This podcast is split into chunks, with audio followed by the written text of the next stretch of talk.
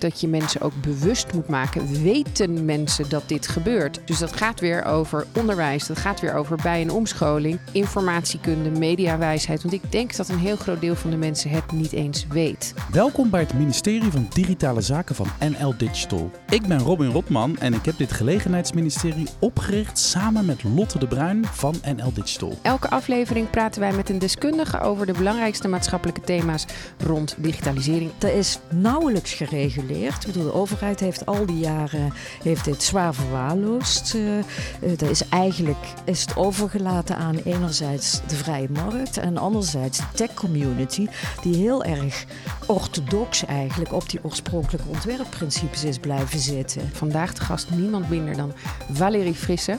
Jij bent directeur van het SCDN-fonds en hoogleraar digitale technologie en sociale verandering in Leiden en nog heel veel meer, maar dat is te veel om op te noemen. Vandaag gaan we met jou praten over het internet, want volgens jou moeten we het internet helemaal opnieuw gaan uitvinden. Dat klinkt natuurlijk super interessant, dus laten we maar snel, Ja, snel beginnen. gaan- Ik heb er zin in. We gaan het internet opnieuw uitvinden. We gaan kijken waarom. We gaan kijken hoe we dat dan gaan doen. Maar ik wil eerst eventjes... Ik heb jou eerder gesproken. Ehm, er is één fenomeen wat hier een beetje mee samenhangt. En ik vind het altijd leuk om daar, daarover te horen. En dat lijkt mij een leuke introductie van het onderwerp. Het dataproletariaat. wat is dat? Wat is dat nou weer? Nou, voor de oudjes onder ons die vroeger nog marxisme eh, onderricht kregen, is proletariaat natuurlijk een bekende term. Ja, dat verwijst eigenlijk naar het feit dat de mensen die eh, waarde produceren in een economie bijvoorbeeld, eh, daar een hele belangrijke bijdrage aan leveren, dat die daar niet van profiteren, maar dat de waarde daarvan bij anderen terechtkomt. Hè. Dat was vroeger bij landeigenaren, waren de, la- de landarbeiders, eh, die Mhm. deden al het werk, maar die profiteerden daar niet van. Later in de fabrieken, de arbeid in fabrieken, die waarvan... Ze eh, kregen misschien wel eens een salaris, maar dat stond in geen verhouding tot de waarde die ze verhouding tot toevoegen de aan... daadwerkelijke waarde die bij de kapitalisten terecht kwam. Nou, Mhm. en in de datasamenleving kun je eigenlijk die analogie kun je doortrekken, omdat eh, wij allemaal als gebruikers van het internet en eh, daardoor continu produceren wij data, gratis en voor niks. Nou, daar krijgen we wat voor terug, hè, een paar diensten die aantrekkelijk en fijn zijn. Maar de echte waarde daarvan, die komt natuurlijk heel ergens anders terecht. Dus wij gedragen ons eigenlijk in die zin ook als een dataproletariaat. En, en jij zegt eigenlijk van, dat deugt eigenlijk helemaal niet. Nee, omdat wij daar niet. Het is nou niet zo dat we daar nu alle vrije keuzes in hebben. Hè. Dus je krijgt er wel iets voor terug. Dat was vroeger natuurlijk ook wel zo. Dat je ook wel wat. eh, eh, door, eh, in, in welk opzicht dan ook wel iets voor terug kreeg. Maar eh, de hoeveelheid data die wij telkens waar we toe verleid worden om die maar steeds te produceren. En waar enorm veel nieuwe verdienmodellen op gebaseerd zijn. Ja. Die. eh, En, ja, en, en dan zeg jij eigenlijk van, je bent eigenlijk 24 uur per dag zo'n beetje data aan het produceren. Min of meer bewust, min of meer onbewust. In ieder geval, er zijn allerlei partijen die zijn daar geld mee aan het verdienen. En eigenlijk zouden we moeten gaan nadenken over een systeem waarbij iedereen dus zeggenschap krijgt over zijn eigen data. Want die data is kennelijk van jezelf. Hè? Dat is een beetje de, wat hierachter zit. En eh, je mag zelf, en, dat, en, en de waarde die dat oplevert, dan, die moet in ieder geval, dat moet naar jou. nou ja, in ieder geval deel, is het zo groter dat. deel dan nu. dat wij als gebruikers van het internet geen gelijke speler zijn in dit veld. Dat is volkomen duidelijk. Dus het, het, het omkeren daarvan zou zijn dat je het eigenaarschap van data volledig bij ons zou leggen, bij gebruikers. Dat vinden velen nog een hele radicale gedachte, maar dat is eigenlijk wel het meest consequente gedachte natuurlijk. Als je mensen gelijk speler wil maken in dit eh, eh, digitale speelveld, dan zou je ze ook eigenaar en in ieder geval zeggenschap Wat over data moeten geven. Nou ja, ik wil daar nog iets aan toevoegen. Een van onze vorige podcasts was met Paul Tang. Ehm, Europarlementariër van de PvdA. En hij zei eh, het begrip gratis. eh, dat is natuurlijk eh, waar je eh, ook iets mee kunt. Nou ja, dat, eh, dat zal hij ongetwijfeld met je eens zijn. Maar hij had het juist over een betaalde dienst qua social media of iets dergelijks. Maar dan wel met de eh, toezegging en de wetenschap dat jouw data niet wordt doorverkocht en dat dat dan van jou is. Ja. En dus hij was op zoek, hij keek daar ook weer naar vanuit Ja. een andere hoek. Maar wat Het betalen maakt je er meer bewust van dat je daar keuzes in maakt. Hè? Ja. En dat je dus daar zelf een rol in speelt. Maar ik denk dat dat ook niet helemaal de oplossing is. Want eigenlijk het interessante is van hoe zich bijvoorbeeld de grote platforms ontwikkeld hebben, is dat die niet alleen maar de data die je bewust Mhm. tot je neemt, dat dat onderdeel is van hun verdienmodel, maar alle data daaromheen over je gedrag, die worden in één klap ook allemaal meegenomen. Metadata, hoe lang je online bent, Ja. eh, in de toekomst ook al je fysieke, je oogcontacten, weet ik veel wat. Alles, alles wat je doet, eigenlijk wordt je gedrag permanent omgezet in data. En die data, daar wordt juist het meeste geld Ja. mee verdiend. Ja. En advertentie aan gekoppeld, dus je wordt als je, dat, geprofiled. Als je daar een betaalde dienst van maakt, is dat probleem nog niet per se geadresseerd. Dus het gaat er ook om dat de partijen die die data verzamelen, dat die daar transparant over zijn. Wat ze eigenlijk precies allemaal Ja, ja, ja. aan het verzamelen Ja. zijn en In wat ze zijn daarmee voorstel doen. bleef die data dan ook bij jou. Dus die mocht dan niet verder gebruikt worden voor, eh, tenzij je daar eh, zelf toestemming voor gaf. Ja. En dan misschien zelfs wel ook een betaling Ja. tegenover stond. Maar de meeste mensen weten nog niet eens dat die metadata bijvoorbeeld, dat die onderdeel zijn van, die, van dat grotere kapitalistische model. zou ja, ik maar dus zeggen. dat zou Dus- ook antwoord zijn op de vraag die jij me net stelt. Wat vind jij hiervan? Dit triggert mij weer in het feit dat je mensen ook bewust moet maken. Weten mensen dat Ja. dit gebeurt? Dus dat gaat weer over onderwijs. Dat gaat weer Ja, over bij- en omscholing. Informatiekunde, mediawijsheid. Want ik denk dat een heel groot deel van de mensen het niet eens weet. Eh, dus is zich er niet bewust van en klikt zomaar. Nee, is ook zo, ja. Ja, en wij zijn ook nooit uitgenodigd om daar kennis van te nemen. Hè? Bedoel, Nee, het is niet is de geen domheid onderdeel van, van het- ons als gebruikers. Nee, We het is zijn geen daar onderdeel gewoon- van het, Het is een van bewuste strategie om mensen daar buiten te laten. Dus dat, dat is één eh, manier om ermee om te gaan. Is dat je vanaf jongs af aan kinderen bijvoorbeeld daar zoveel mogelijk bewust van maakt. Ja. Van als ze zich in die datasamenleving begeven. En dat doen ze, want dat doen we allemaal. Precies. Wat betekent dat dan? En waar, waar heb je wel en niet controle op? Waar zou je iets aan kunnen doen? En wat Ja. zou moeten veranderen? En, en, en welke rol zie jij dan voor de achterban van Lotte, de digitale industrie? Dat zijn voor een deel de mensen die dus geld aan het verdienen zijn. Hè? Laten we eerlijk, eerlijk Ja. zijn. Hè? Ja, dat zijn, ze ja, is ook allemaal. ja, die mee. zijn, dat zijn allemaal leden van mij. Wat zou er Ja. zijn nou kunnen? Wat ik weet nog bijvoorbeeld toen. eh, kijk, duurzaamheid is lang een soort geitenwolle sokken ding geweest. Ja. En toen werd het op een gegeven moment een marketing ding. En dat is misschien niet per se de juiste intentie. Maar het was wel de, het was wel de binnenharker Ja. van al die intenties. Van we gaan het wel gewoon doen. Want het is goed voor de business. Ja. Het is goed voor onze PR. En nu zie je dat dat gewoon eigenlijk een doel op zich wordt. Er komen, er komen eh, speciale... In de, in, in de boards komen mensen die hier gewoon voor, als portefeuille krijgen.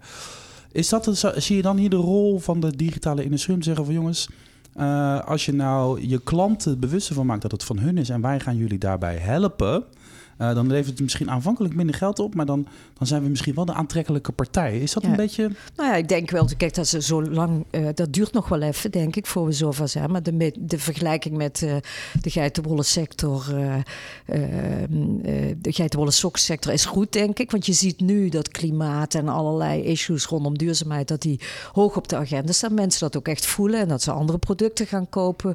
Dus dat helpt natuurlijk enorm als juist de industrie of de private sector ziet dat daar ook een verdienmodel, niet alleen maar vanwege maatschappelijk verantwoord ondernemen, maar gewoon omdat klanten erom vragen. En ik denk dat dat eh, nu misschien nog eh, mondjesmaat, maar dat dat eh, vergelijkbaar is met wat er in de digitale samenleving gebeurt. Mensen worden zich steeds meer bewust van de risico's, van het feit dat zij eigenlijk op een manier gebruikt worden die ze, waar ze geen toestemming voor geven. Nou, als dat bewustzijn scherper aanwezig is, dan zal de, eh, de bedrijven zullen mee moeten veranderen daarin. En, en, en het, meest interessante is dat je dat soort nieuwe waarden eigenlijk in een verdienmodel, dat dat ook een bron van innovatie zou gaan worden. Voilà, dat zou het mooiste zijn. Dat is mooi. Oké, oké. nu Ja. naar dat internet. Eh, wat jij zegt, het internet moet, moeten we opnieuw gaan uitvinden.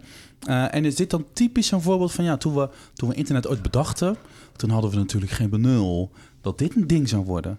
Data, dat iedereen ermee aan de haal ging en dat die mogelijkheden waren met algoritmes.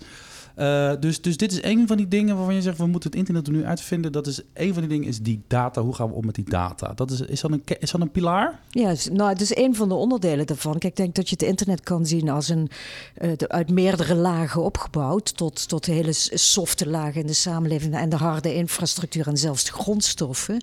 En dat zit in die hele pilaar met al die lagen zit eigenlijk, zou je opnieuw moeten gaan nadenken over hoe je dit denken daarin vorm eh, kan geven. En inderdaad, het internet zoals het ooit ontworpen is, is een beetje een toevallige samenkomst geweest van een aantal mensen uit de researchwereld, uit de defensiehoek en misschien een paar loslopende hippies. Ja. Die elkaar in, dat, in die tijd van eh, de geschiedenis, je 60, 70 jaar, goed wisten te vinden. Dat heeft geleid tot een bepaald concept van een digitaal netwerk. Uh, wat toen heel zinnig was, heel functioneel, maar waar natuurlijk nooit niemand van heeft kunnen voorzien dat dat dit soort gevolgen zou hebben. Dat is nooit rekening gehouden met privacy, met security, met de enorme boost of uh, explosie van communicatie die daaruit okay, naar voren okay, okay. Dus, dus allemaal niet voorzien. Dus we gaan er straks dieper op in. Ja. Uh, we gaan straks die, die kernwaarden, wie jij zegt, daar gaan we opnieuw naar kijken. En we gaan vanuit die waarden redeneren. En dan gaan we dan al internet opnieuw doen. Er zijn er dus een paar dingen. De manier waarop we met data omgaan en van wie is die data, moeten we opnieuw gaan definiëren. Je zegt uh, privacy, hoorde ik je noemen. Ja. Uh, security hoorde ik je noemen. Um, zijn dat een beetje de kernthema's? Of vergeet ik nog wat? Heb jij nou, nog iets voor het nieuwe internet, Lotte? Ja, de, de, uh, ook een van onze eerdere gasten, dat was Lammert van Raan van de Partij voor de Dieren. En hij zei, wij zijn bij het uitvinden van het internet, zijn we de menselijke maat vergeten. En uh, daar, al, in retrospect zei hij, dat hadden we echt beter moeten doen. Want dat is nu wel ja, de bron van alle uitdagingen die het internet nu met zich meeneemt. Daar valt ongetwijfeld privacy, security valt daar allemaal onder. Uh, maar ik vond dat wel een mooie, hè, zeg maar ook meer het ethische stuk. Daar hebben wij natuurlijk ook regelmatig contact over. De ethische, mm-hmm. uh, het, ja, het ethische perspectief ook van onze achterban. Menselijke maat bij design. Bijvoorbeeld. Ja, security bij ja, maar alles bij design. Kijk, ik denk dat je zelfs niet kan zeggen dat ze destijds dat uit het oog verloren zijn. Want zo is het gewoon nooit bedacht, weet je wel. Er waren uh, mensen uit de onderzoekswereld die het interessant vonden om uh, informatie die zij hadden uit, op, op, over hun onderzoek, om die met elkaar te delen. En daar een goede manier voor uh, hebben bedacht. En, en, maar dat in feite een dom netwerk met slimme uiteinden. En wat er op dat netwerk zelf bijvoorbeeld gebeurde, dat is zit in de basis van het ontwerp van dit internet. Dat je daar niet zoveel mee zou moeten doen. En dat heeft allerlei vormen van innovatie tot gevolg. Wat fantastisch natuurlijk. Ik bedoel, we kunnen allemaal niet meer zonder. En ik zou het zelf ook echt niet willen. Maar het heeft er ook toe geleid dat er machtsconcentraties op het internet plaats hebben kunnen vinden. Uh, dat het tot en ook, ook een, een vrijplaats is geworden om alles wat je wilt te roepen en allerlei slechte vormen van gedrag. Dat is nauwelijks gereguleerd. Ik bedoel, de overheid heeft al die jaren heeft dit zwaar verwaarloosd. Uh, uh, dat is eigenlijk is het overgelaten aan enerzijds de vrije markt en anderzijds de tech community, die heel erg orthodox eigenlijk op die oorspronkelijke ontwerpprincipes is blijven zitten. Dat is jouw community, en dat, dat kun je nu niet meer. Dat, kun je, dat is Onder denk andere, ik, ja. ja, dat is niet meer te verdedigen dat je het nog op die manier vorm kan geven. En ja, we zien dat in de wereld om ons heen. Uh. Ja, we hebben het in, in de gesprekken met politici hebben we gemerkt hoe fel eigenlijk de focus is op uh, big tech. En uh, we hebben ook wel eens een keertje gezegd van... hé, hey, maar hebben jullie niet eigenlijk ja. gewoon zitten slapen? Want dit, dit, is... Ik weet, ik, ik doe dit nu acht jaar... En, en de discussie over eigenaarschap van data... waar we het nu ook net over hebben... dat speelde toen ook. Maar dat land echt op... dat landde toen op geen één tafel. Nee. Dat was niet... Ja, dat was geen... Dat werd weggehoond zelfs, ja. Ja, en dus dat zou bij mij dan wel de vraag oproepen van we zitten nu met web 3.0, de metaverse hebben we het ook veel over. Als je daar nu naar kijkt met de intentie waar dat nu voor wordt gemaakt, hè, dan roept dat bij mij de vraag op wat vergeten we? Ja. Wat vergeten we? Waarover zeggen wij over 30 jaar of, of over 50 jaar in retrospect hadden, hadden we, we dit element gedaan. of dit perspectief ja. mee moeten nemen? En daar ben ik wel benieuwd naar of jij daar uh, zicht op hebt. Ja, nou ja, kijk, wat je heel vaak ziet is dat uh, de technologiedromen, hè, dat die een beetje uh, regeren. Dat is, ik denk dat je dat nu met metaverse ook alweer kan zien. Voor een deel zijn het allemaal ontwikkelingen die al, al langer in gang gezet. Maar het risico is dat we ons te veel laten meenemen door wat er allemaal mogelijk is met technologie. Mm-hmm. In plaats van na te denken over van wat voor samenleving willen we eigenlijk en hoe speelt technologie daar een rol in. Ja. En ik vind zelf wel dat bijvoorbeeld als je kijkt naar de discussie over kunstmatige intelligentie, dat is natuurlijk ook, heeft ook al een hele lange geschiedenis. Maar dat is, we zijn nu een paar fundamentele doorbraken uh, aan de gang. Ik vind dat die discussie daar redelijk goed gevoerd wordt. Dus we zijn daar nog niet te laat mee. Maar we realiseren ons nu wel dat uh, om zo'n ingrijpende technologie, om daar echt zwaar in te gaan investeren zonder dit soort vragen te stellen, mm-hmm. dat is eigenlijk een gepasseerd station. En, en met positief. name Europa ja. profileert zich daar denk ik ook sterk in. Ja. Dus dat, uh, ja, ik ben daar niet pessimistisch over. Ik denk dat we dat, uh, dat we dat prima kunnen doen. En we ook geleerd hebben van wat er fout, uh, fout is gegaan. Maar we moeten wel ook uh, bereid zijn om dan dat, die technologiedromen af en toe eens een beetje los te laten. Ja. En we weten al ja. één missie van Valerie. Als zij minister van Digitale Zaken zou zijn, dan zou ze het internet opnieuw gaan uitvinden. Maar we hebben een leuke rubriek meegenomen. Lotte? Jazeker, dat is uh, twee gesloten vragen en twee open vragen zijn dat. Uh, je mag achteraf nuanceren. Ik begin met de gesloten vragen. Als ik minister van Digitale Zaken was, dan zou ik uitkeringen in bitcoin uitbetalen. Nee. Ik ben heel benieuwd waarom dat een uh, soort wijfelende nee is. Als ik minister van Digitale Zaken was, dan zou ik het mogelijk maken dat elke ondernemer gratis digitaliseringsopleidingen kan volgen. Um, ja, laat ik dan maar ja op antwoorden, ja. je hoort er maar. Dan nu naar de open vragen. Wat hoop je als minister van Digitale Zaken dat digitalisering Nederland brengt in de komende tien jaar? Nou ja, wat ik net al zei, het is nu het goede moment om uh, digitalisering te zien in relatie tot wat voor soort samenleving willen wij nou eigenlijk met elkaar hebben en wat is daar belangrijk in? Uh, wat wil je dat er niet gebeurt uh, in de toekomst? Welke risico's wil je vermijden? Dus als ik minister was, zou ik nu vanuit een bredere visie op de digitale samenleving kijken naar digitalisering dan dus vanuit de technologie en de mogelijkheden die de technologie En het dan als middel inzetten ja. om, dat, om dat doel te bereiken. Ja. En dan de laatste open vraag is: van welke ontwikkeling in digitale technologie word jij als minister van Digitale Zaken ontzettend blij? Dus deze is iets persoonlijker.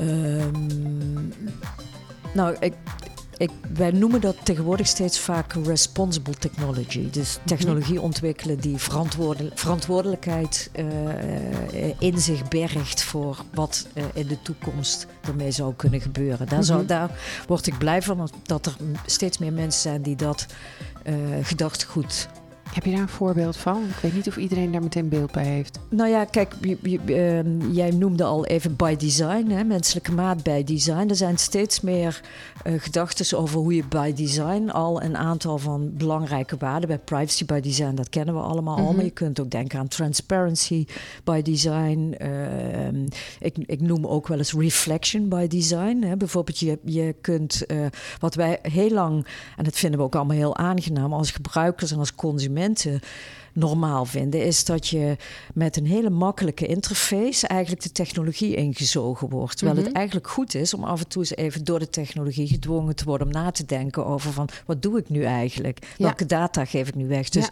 reflectie inbouwen in de manier waarop je, en dat kan bijvoorbeeld in de, de by default opties van hoe je een interface instelt. Ja. Dan kun je een aantal dingen zo nul mogelijk instellen, zodat je zelf gedwongen wordt om na te denken over wat wil ik wel, wat wil ik Vragen te beantwoorden. Dat was vroeger ja. helemaal andersom. Hè. Was ja. alles by default totaal open. Dus ja. dat is al veranderd. Maar zo dat soort dingen, dus allerlei by design mogelijkheden al in de technologie, okay. in het ontwerp ja. van de technologie meenemen, dat is denk ik heel belangrijk. Nog, nog even kort, die bitcoin dat vind ik altijd leuk hè? Ja. Want die bitcoin die gaat namelijk, kijk dit gaat natuurlijk helemaal niet zozeer over moeten we nou wel of niet de uitkering in bitcoin gaan uitbetalen. Nee. Uh, of in cryptootjes, want uh, je merkt gewoon dat zo'n Diederik Samsom, die best hoog in de boom zit hè, in, in, uh, in Brussel, uh, als het gaat over digitalisering en de regelgeving, um, die zegt gewoon van uh, dit is misschien wel gevaarlijk, die crypto's. Of dit is misschien wel een piramidespel. Ik weet het eigenlijk niet. En dan uh, ze praten met andere mensen, bijvoorbeeld met Marloes Pomp hè, van, de, van, de, van de Blockchain Coalition. Die zegt van nou, ik vind dat we mensen de keuze moeten geven of zo'n uitkering in crypto's of in gewoon geld. En dan zitten er ook mensen tussenin die zeggen van nou, het is misschien wel een blijvertje, maar we vinden die uitkeringen, daar moet je niet de, de kans mee lopen dat er mee gesold wordt. Dus dat gaan we gewoon in gewoon geld doen. Uh, dus dat is een beetje de vraag. Ja. Is, de achterliggende vraag is: hoe zie jij de toekomst van de crypto's? Is dat een, een blijvertje? Wordt dat groter? Ja, nou ja, kijk, het feit dat je al zoveel verschillende antwoorden geeft, of, uh, krijgt op deze vraag, geeft aan dat daar nog heel veel vragen over zijn. En dat maakt ook, denk ik, dat je de risico's daarvan nog niet zo goed kan inschatten. Dus daarom zou ik dat nooit koppelen aan uitkeringen uh, waar mensen totaal afhankelijk van zijn. Hè? Ik bedoel, -hmm. uh, een beetje mensen die willen speculeren met bitcoins, be my guest. Ik bedoel, is je eigen risico. En het is ook interessant als experiment, moeten ze vooral doen. Maar het is nog een beetje technologie op zoek naar een probleem. En daar daar ben ik in principe nooit voor. Je moet vanuit Nee. het probleem denken en niet vanuit de technologie. Dat is Ja. precies de reden Ja, waarom Maar we er het zit- internet opnieuw er moeten gaan zitten wel elementen in, natuurlijk bijvoorbeeld de decentrale manier van omgaan met geld en zo, die best interessant zijn. Dus ik, ik sta daar wel voor open om te kijken hoe je dit op een goede manier kan inzetten in alle veranderingsprocessen of in een visie Ja. op de digitale samenleving. hè. Daar gaat het mij om. Ja. Ah, en dat ja. we tot slot even, even kort toelichten die gratis digitaliseringsopleidingen voor ondernemers. En ze, ja, ja. Ja, laat ik daar maar ja op zeggen. Ik vind, vind- ik vind dat ik ja moet zeggen, maar je valt natuurlijk over het woordje gratis, neem ik aan, of wat? Nee, nee, nee, helemaal niet. Eh, nee, want ik denk bijvoorbeeld met name in het MKB is nog best wel wat, eh, wat nodig eh, aan primaire kennis over digitalisering. Maar de ondernemers zijn ook voorlopers weer op dit gebied. Dus daarom kun je er niet zeg maar heel eenduidig ja of nee op zeggen. Maar er, er is wel eigenlijk toch wel in, in de fundamenten is er gewoon een gebrek aan kennis over niet zozeer over de technologie of over digitalisering, maar vooral over wat het doet met je. Eh, met de toekomst van je bedrijf of van, je organisatie. Dus de digitale transformatiekant, daar is nog heel weinig kennis over, denk ik. Terwijl daar en de interessante kansen zitten en ook de grootste risico's. Dus Ja. ik denk dat daar nog wel wat extra opleiding eh, zou kunnen Oké, helpen. dan wat concreter dat internet. Lotte, wat gaan we doen? We gaan dus eerst die data en die transparantie. Nou, daar hebben we het al over gehad, hè, dat dataproletariaat. Ik, ik voel dat jij daar wel... Jij bent daar gevoelig voor, denk ik, hè? Nou ja, ik, ik die ik- data Nou ja, da- de, de vragen over het data-eigenaarschap komen niet zomaar ergens van. En ik denk dat het heel goed is om daar het over te hebben. Dus ja, en, zeker. en als we dan toch dat internet opnieuw gaan uitvinden en we gaan kijken, we gaan niet eerst een technologie bedenken eh, en dan op zoek naar een probleem. Dat is een beetje wat er nu met het internet gebeurd is. Toen het ooit bedacht is, wisten we nog helemaal niet wat voor Nee. probleem het zou gaan oplossen. Maar oké, maar we weten nu, wat, wat, wat, wat, wat is jou, wat jou betreft zo'n kernwaarde waarvan je denkt van, dat vinden we belangrijk en we gaan het internet aanpassen aan die kernwaarden. Heb jij daar een idee bij? Ik denk natuurlijk meteen aan Mm. privacy, maar dat is misschien... Maar, eh, Ja, bij mij is het iets, misschien iets meer hoog over en van daaruit eh, zet je stappen. Voor mij is digitalisering, en daar is on- eh, het internet een middel, hè, een onderdeel van. Digitalisering is een middel om een doel te bereiken. En dat doel, dat vraagt dus om visie. Waar wil je heen Eh, ehm, hè, met de maatschappij, met de economie en hoe zet je dit middel in om dat doel te bereiken? Eh, of dat nou gaat om zorg, of dat nou gaat om de burger centraal vanuit de overheid, of dat nou gaat om duurzaamheid en, en digitalisering als middel inzetten voor die energietransitie. Dat is mijn uitgangspunt. En een randvoorwaarde om dat te doen gaat over kennis. En inderdaad niet alleen maar technologische kennis, maar ook mediawijsheid, informatiekunde. En dat wil je mensen zo vanaf zo'n jong mogelijke leeftijd meegeven. En je moet je blijven ontwikkelen. Eh, dat gaat over goede afspraken, over privacy, over veiligheid. Maar dat gaat ook over niet naïef zijn en weten dat 100% veilig niet bestaat.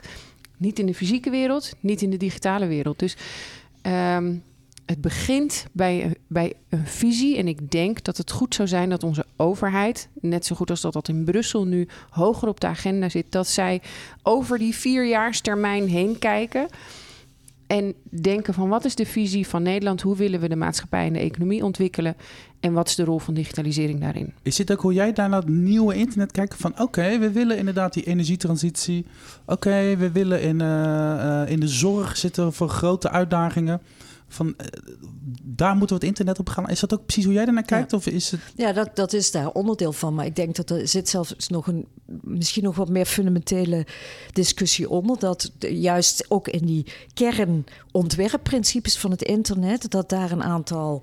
Het- We hebben het al over gehad, dat we hebben niet voorzien wat er allemaal mee eh, eh, zou kunnen gebeuren. Ehm, maar daar zitten ook een aantal ontwerpfouten eigenlijk in, die je nu zou moeten herstellen. Op technisch niveau? Ja, ook op technisch niveau. Want kijk, nou, die- het die- kijk, het feit dat het internet zo'n open, eh, vo- volledig open systeem is en een dom netwerk, hè, zoals het vaak genoemd wordt, netneutraal. dat betekent bijvoorbeeld dat je heel weinig ruimte hebt om daarop in te grijpen en om daarin te reguleren. En dat is ook heel lang, ook in de tech community, is dat omstreden om dat alsnog te gaan doen. Je ziet dat nu ook bijvoorbeeld met de huidige situatie in Oekraïne-Rusland bijvoorbeeld. Moet je nu wel of niet in gaan grijpen, ook in het internet. Hè? Dus we, we gaan Mhm. allemaal sancties in de economie, die ook heel fundamenteel zijn. Dat doen we. Ja. Maar ingrijpen in het internet vinden we toch nog echt een ding. Maar dat is eenzelfde soort discussie eigenlijk. Misschien moeten we toch wel meer toe naar verschillende internet. Een Europees internet bijvoorbeeld. Tussen het Amerikaanse Silicon Valley geïnspireerde model en het, het, het model van de autoritaire staten zoals China en eh, Rusland, wat we nu zien. Uh, maar misschien ook wel voor verschillende sectoren. Hè. In de zorg wil je op een andere manier afspraken maken met elkaar over hoe je met data omgaat dan bijvoorbeeld in de entertainment Mhm. sector. Dus om dat steeds vanuit één soort technologisch perspectief te doen, creëert ook al die problemen. Dus misschien moeten we dat durven loslaten en af te kijken naar, ja, misschien moeten we toch wel naar een wat meer gefragmenteerd internet toe. En, en dat is in de, in de, in de internetcommunity is dat wel echt een moeilijke discussie, want uh, het internet zoals het ooit bedacht is, kom je eigenlijk niet aan. Dat is toch een maar beetje is het, de dat web, web 3.0 daar niet ook een antwoord op? Juist dat uh, decentrale? Ja, maar uh, dat is de, dus voor een deel misschien wel. Dus decentrale element versus uh, centralistisch. Maar wat ik zeg is dat je ook een zekere vorm van centralisme misschien wel nodig hebt. Voor bepaalde ja, Dus als je kijkt naar de sectoren. discussie... Ja, maar ook bijvoorbeeld als je kijkt naar de discussie in Europa over digitale soevereiniteit. Ja, Dit ja. gaat hier eigenlijk ook over natuurlijk van hoe lang kunnen we ons nog permitteren om, dat, om, om ons... Uh, zeg maar niet af te scheiden in zekere zin, of vanuit onze eigen waarden en normen uh, zo'n digitale infrastructuur en alles wat daarop gebeurt in te richten. Die vraag wordt daar natuurlijk ook. Dus het speelt zowel op dat Ja, niveau als in sectoren en in bedrijven, denk ik, dat het maken van afspraken met belangrijke partijen, met wie in jouw keten of in jouw netwerk over hoe je met data omgaat, bijvoorbeeld, Ik, ik krijg wordt dit steeds meer een issue. Ik krijg het En- niet geregeld in mijn hoofd, dit. Nee, echt niet. Weet je waarom? Ik ben een beetje dom, denk ik. Nou, Nou, nee, maar nee. Ik vind het moeilijk, man, als je dit zo zegt. Ja, maar het is een groot verhaal natuurlijk ook. Maar wat ik denk gelijk aan, is, het dit speelt is zo- censuur. Ja. Nu gaan we naar censuur. ja, ja, ik denk van, oké, ik geloof, ik, ik, ik, er gebeurt van van. Ik denk, oké, er, zijn iets, er is iets van als deepfakes. Hè? Er is straks informatie waarvan je niet meer weet of het nou echt is of niet echt. Nou, dat is een ding. En heel veel mensen waarschuwen voor pas op, we weten niet meer wat we zien.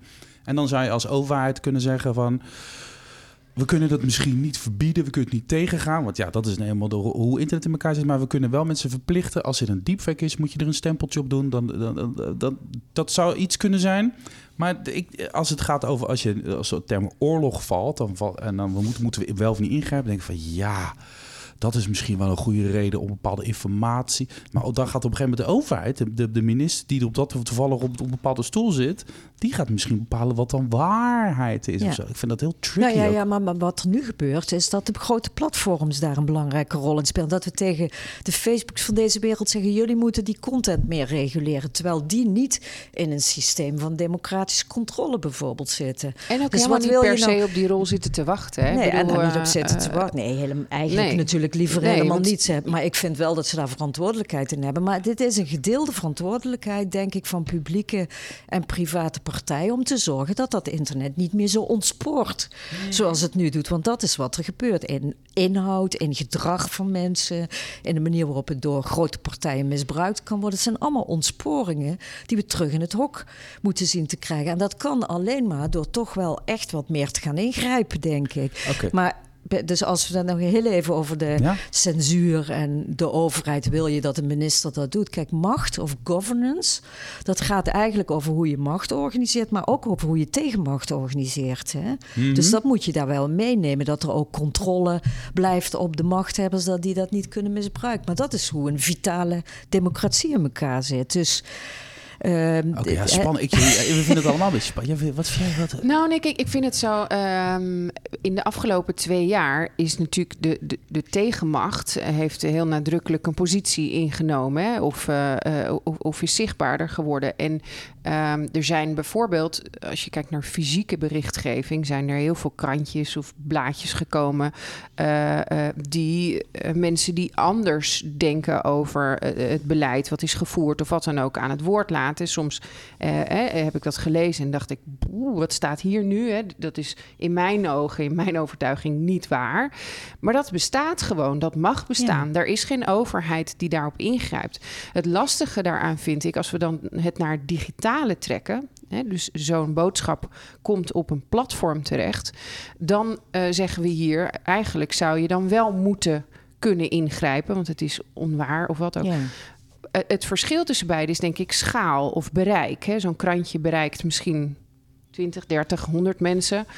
Het internet is natuurlijk gewoon, gaat de hele wereld over. Nou ja, maar dat is dus juist waarom ik zeg, misschien is dit dus een. Uh, kunnen we, ontkomen we niet aan de vraag of we het internet wel zo'n wereldwijd ja. uh, fenomeen moeten laten zijn? Of moeten we toch meer toe naar een, uh, zeg maar, deel-internetten, waarin je je eigen politieke principes, waarden en normen, de manier waarop je de economie zou willen inrichten, misschien meer uh, op waarde gebaseerd dan op alleen maar aandeelhouderswaarden. dat zijn allemaal van dat, die discussies, die, die hangen allemaal met elkaar samen. Maar het fundament wat, van wat ik zeg is, zijn we niet toe aan het loslaten van dat idee dat je aan het internet zelf, zoals het globaal georganiseerd is, dat... Uh, uh, dat we dat nog moeten handhaven. Ja, ja, ja. Oké, dus we hebben nu een paar dingetjes op benoemd. Hè? We hebben dus die data en de transparantie. Je noemt nu net al zeg maar de, de infrastructuur, de hardware zelf. Hè? Misschien moeten we, moet, moet internet uit verschillende internetten bestaan... die we al dan niet op sommige momenten wel of niet aan elkaar koppelen of zo. Hè? Uh, misschien ook hele kleine netwerken een kleinere organisatie. Misschien zo wat, wat pragmatischer. Um, we hebben het gehad over, over, over de platform, de verantwoordelijkheden misschien. Hoe gaan we die dan opnieuw uh, rangschikken? Privacy is natuurlijk een no-brainer. Dat, dat, dat speelt al. Hè? Dat, dat, dat, we zijn nu al aan het nadenken. Wat, wat moeten we met, met, met privacy? Ja, nou, privacy is eigenlijk een soort van voorloper van deze discussie Precies, geweest. Precies, daar begon het mee. Ja. ja. Ja. ja en toen kwam ineens privacy bij de ja. security is ook zoiets. Uh, is, zie je mogelijkheden om dat internet zeg maar fundamenteel veiliger te maken. Dat het, dat, dat aan de voorkant film, dat de security bij de zijn is natuurlijk ook nu een soort containerbegrip. Je hoort het ja. overal, iedereen doet het. Maar is dat, is dat al, zie je daar nou ja, nieuwe mogelijkheden? Nou ja, dus als je het, uh, als je het zeg maar niet overlaat aan dat vrije spel van uh, de machten zoals het nu georganiseerd is, is dat wel makkelijker natuurlijk. Om het, als je het meer een overzichtelijk geheel van maakt, kun je daar denk ik wel betere, betere keuzes in maken. Maar dat hangt er dus een beetje vanaf waar je het over hebt. Hè. Kijk, ik denk dat als je het over publieke sectoren zoals de zorg en het onderwijs bijvoorbeeld hebt, moet je veel voorzichtiger zijn met hoe je met dit soort dingen omgaat dan met andere delen van de markt waarin je ook dingen wel, wel los kan laten. Hè. Bijvoorbeeld de entertainmentkant kun je aan denken. Daar worden ook allerlei data profiling wordt toegepast. En uh, uh, hoe heet het? Uh, algoritmes ingezet om mensen op ideeën te brengen. Weet je wel? Nou, daar kun je misschien ook wel eens wat nieuws mee doen dan wat er nu mee gebeurt. Maar dat is minder riskant dan als je het over gezondheidsgegevens van mensen bijvoorbeeld hebt. Dus dat vraagt om andere afspraken, andere manieren om dat dicht te timmeren of juist ja, open te, te zetten. Dus ik ja. vind dat we daar daar gewoon veel meer pluraliteit in zouden moeten hebben. In plaats van uh, daar valt nou eenmaal niks aan te doen, want dat is zoals het internet werkt. Zo wordt er natuurlijk vaak, uh, ja. vaak over gesproken. En daar moeten we ook niet aankomen, want uh, dat was ooit, dat is goed. Nou, dat is mm -hmm. helemaal niet goed, want het heeft tot een hele hoop ellende geleid. Helot, heb jij weer een vraag uit het veld meegenomen? Ik heb weer een vraag uit het veld meegenomen. Hoewel het veld zich in deze serie uh, zijn verrassend vaak uh, onze collega's. ja, maar die komen ook best met goede vragen. Die, komen, dus ja, die zijn gewoon een haantje de voorste. Die zeggen nee, nee, ik wil deze vraag stellen. Dus deze keer komt de vraag van René Corbijn. En wie, wie, wie is René Corbijn? René is mijn collega. Die is hoofdbeleid van Public Affairs ah, okay. in ons team. Ja, ja. En zijn vraag luidt, uh, een kleine introductie, drie jaar geleden, ergens in maart 2019, hebben wij samengewerkt tijdens een onderzoek uh, naar de digitale transformatie in de boardrooms. En een van de conclusies uit dat onderzoek was dat slechts een derde van het bedrijfsleven um, beeld heeft bij de impact van digitale transformatie op hun organisatie. En wij vroegen ons af, of René vroeg zich af, maar ik met hem, heb jij het idee dat dat is veranderd sinds die nulmeting van uh, maart 2019? Dat zou je wel hopen, hè? Ja, Want, uh, ja ik... intussen is er heel veel gebeurd in ja. de digitale wereld, zou je dat zeggen. De eerste reactie belooft niet en, en, en, nee, en, en, we hebben een uh, nieuwe meting uh, gedaan. En uh, ik moet tot mijn grote verdriet concluderen dat er vrijwel niets veranderd is daarin. Dus het, de conclusie die wij toen trokken van in de board, want het ging met name om de boardroom, hè, dus ja. mensen aan de bestuurstafels, dus de, de raad van bestuur of de, de raden van commissarissen, toezichthouders, daar ging het met name om.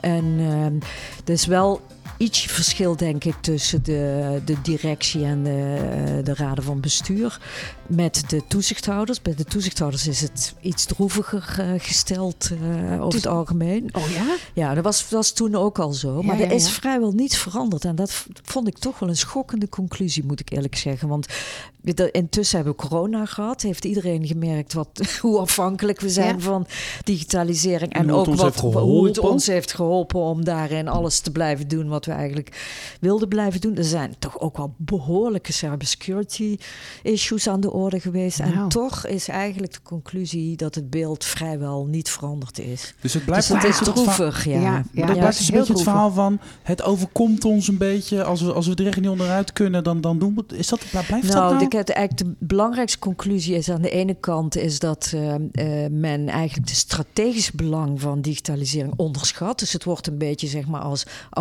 automatiseringsoperatie 2.0 gezien. Onder de motorkap. Hè? Onder de motorkap, heel operationeel. Maar dat het die veranderende kant ervan en de impact die het heeft, die wordt eigenlijk onderschat.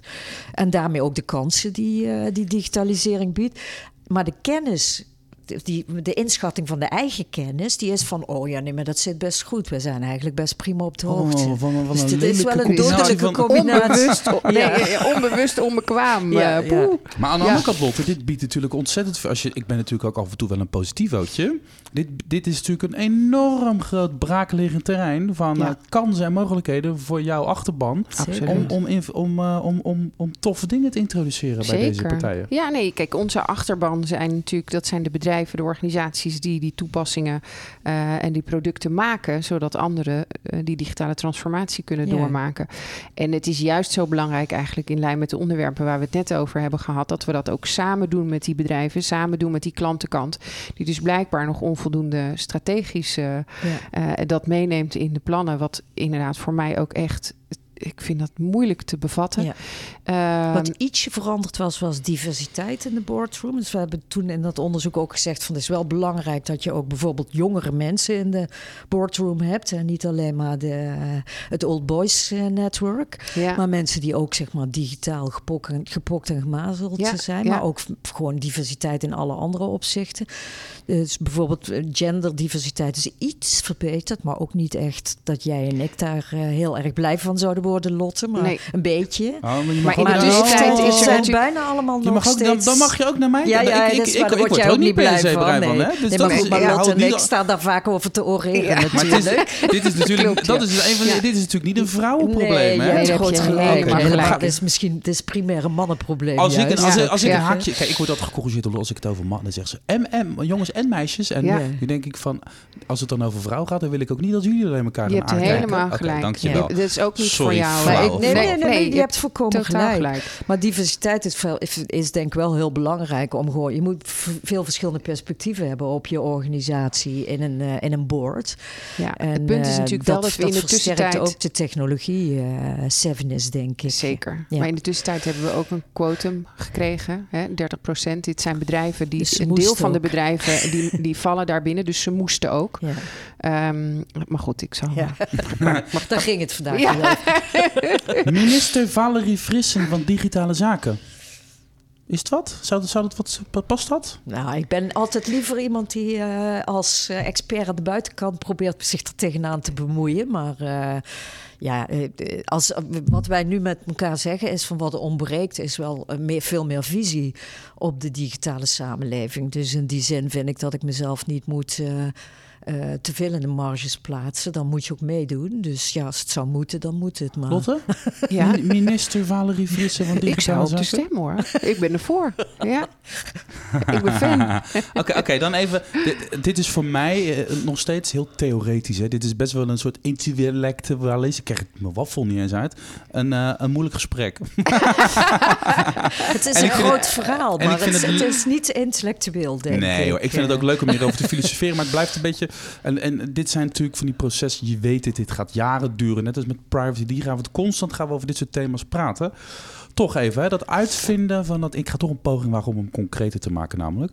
Dat uit, op, opnieuw uitvinden van dat internet. Hoe gaan we dat dan praktisch doen? Is dat een schakelaartje om? Oude internet gaat uit, schakelaartje om, nieuwe internet gaat, gaat aan? Wat, hoe, wat, hoe werkt nou, spelletje? ik denk dat het speelt gewoon op allerlei niveaus. Maar ik zal proberen. Ik geef een voorbeeld van iets wat je kan doen, waar je volgens mij heel veel invloed mee kan uitoefenen. Ik zei net van, uh, ze zijn bepaalde sectoren zoals onderwijs en zorg, waarin je uh, anders hiermee om moet gaan dan in andere sectoren.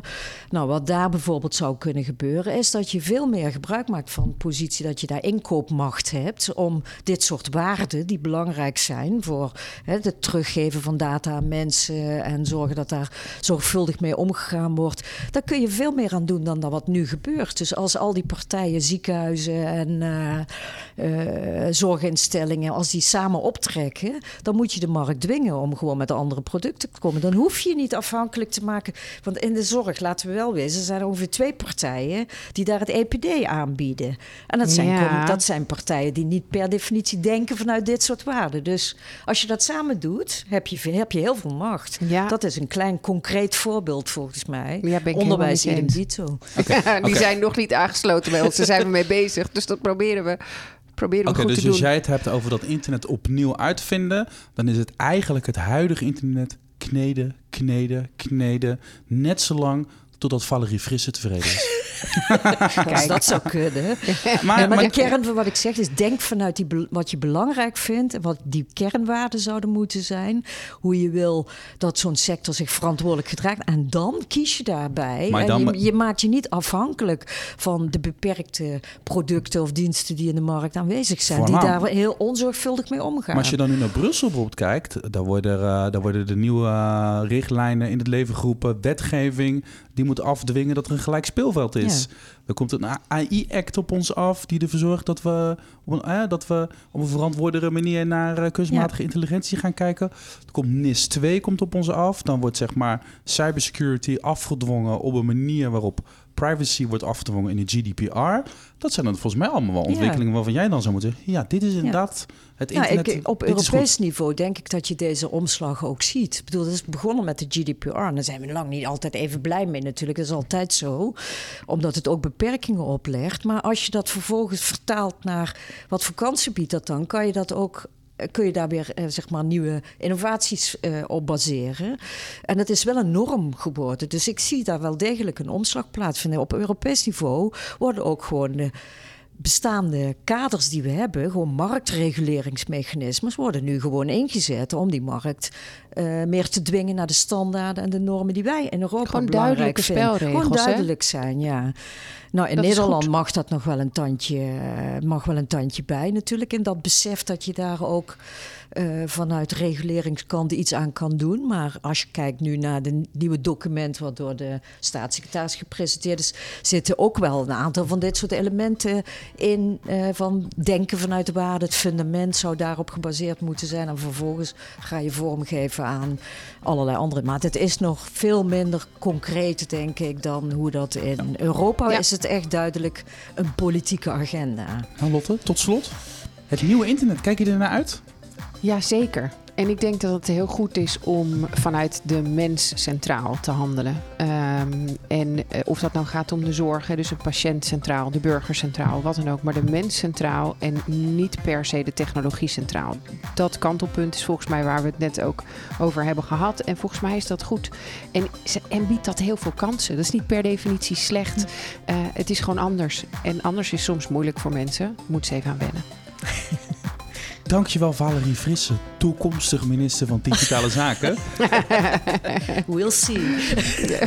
Luister uit de andere afleveringen van het ministerie van Digitale Zaken terug. En het is zo leuk. We hebben Prins Constantijn die elkaar teruglaat. We hebben Diederik Samsom, die heeft een hoge functie in uh, Brussel. We hebben Nelly Kroes. We hebben Lucien Engelen, dat is een, een influencer, digitale influencer in de zorg. We hebben Tweede Kamerleden. We hebben Europarlementariërs. Lotte, vergeet ik nog belangrijke mensen? vast en zeker. En Valerie net dus. maar die hebben de mensen nu net gehoord. Zo is Valerie Frisse. Ja, ja. Uh, waar moeten de mensen zijn als ze dit willen terugluisteren? Het ministerie van Digitale Zaken.nl of je favoriete podcast app. Tot de volgende keer. Dag.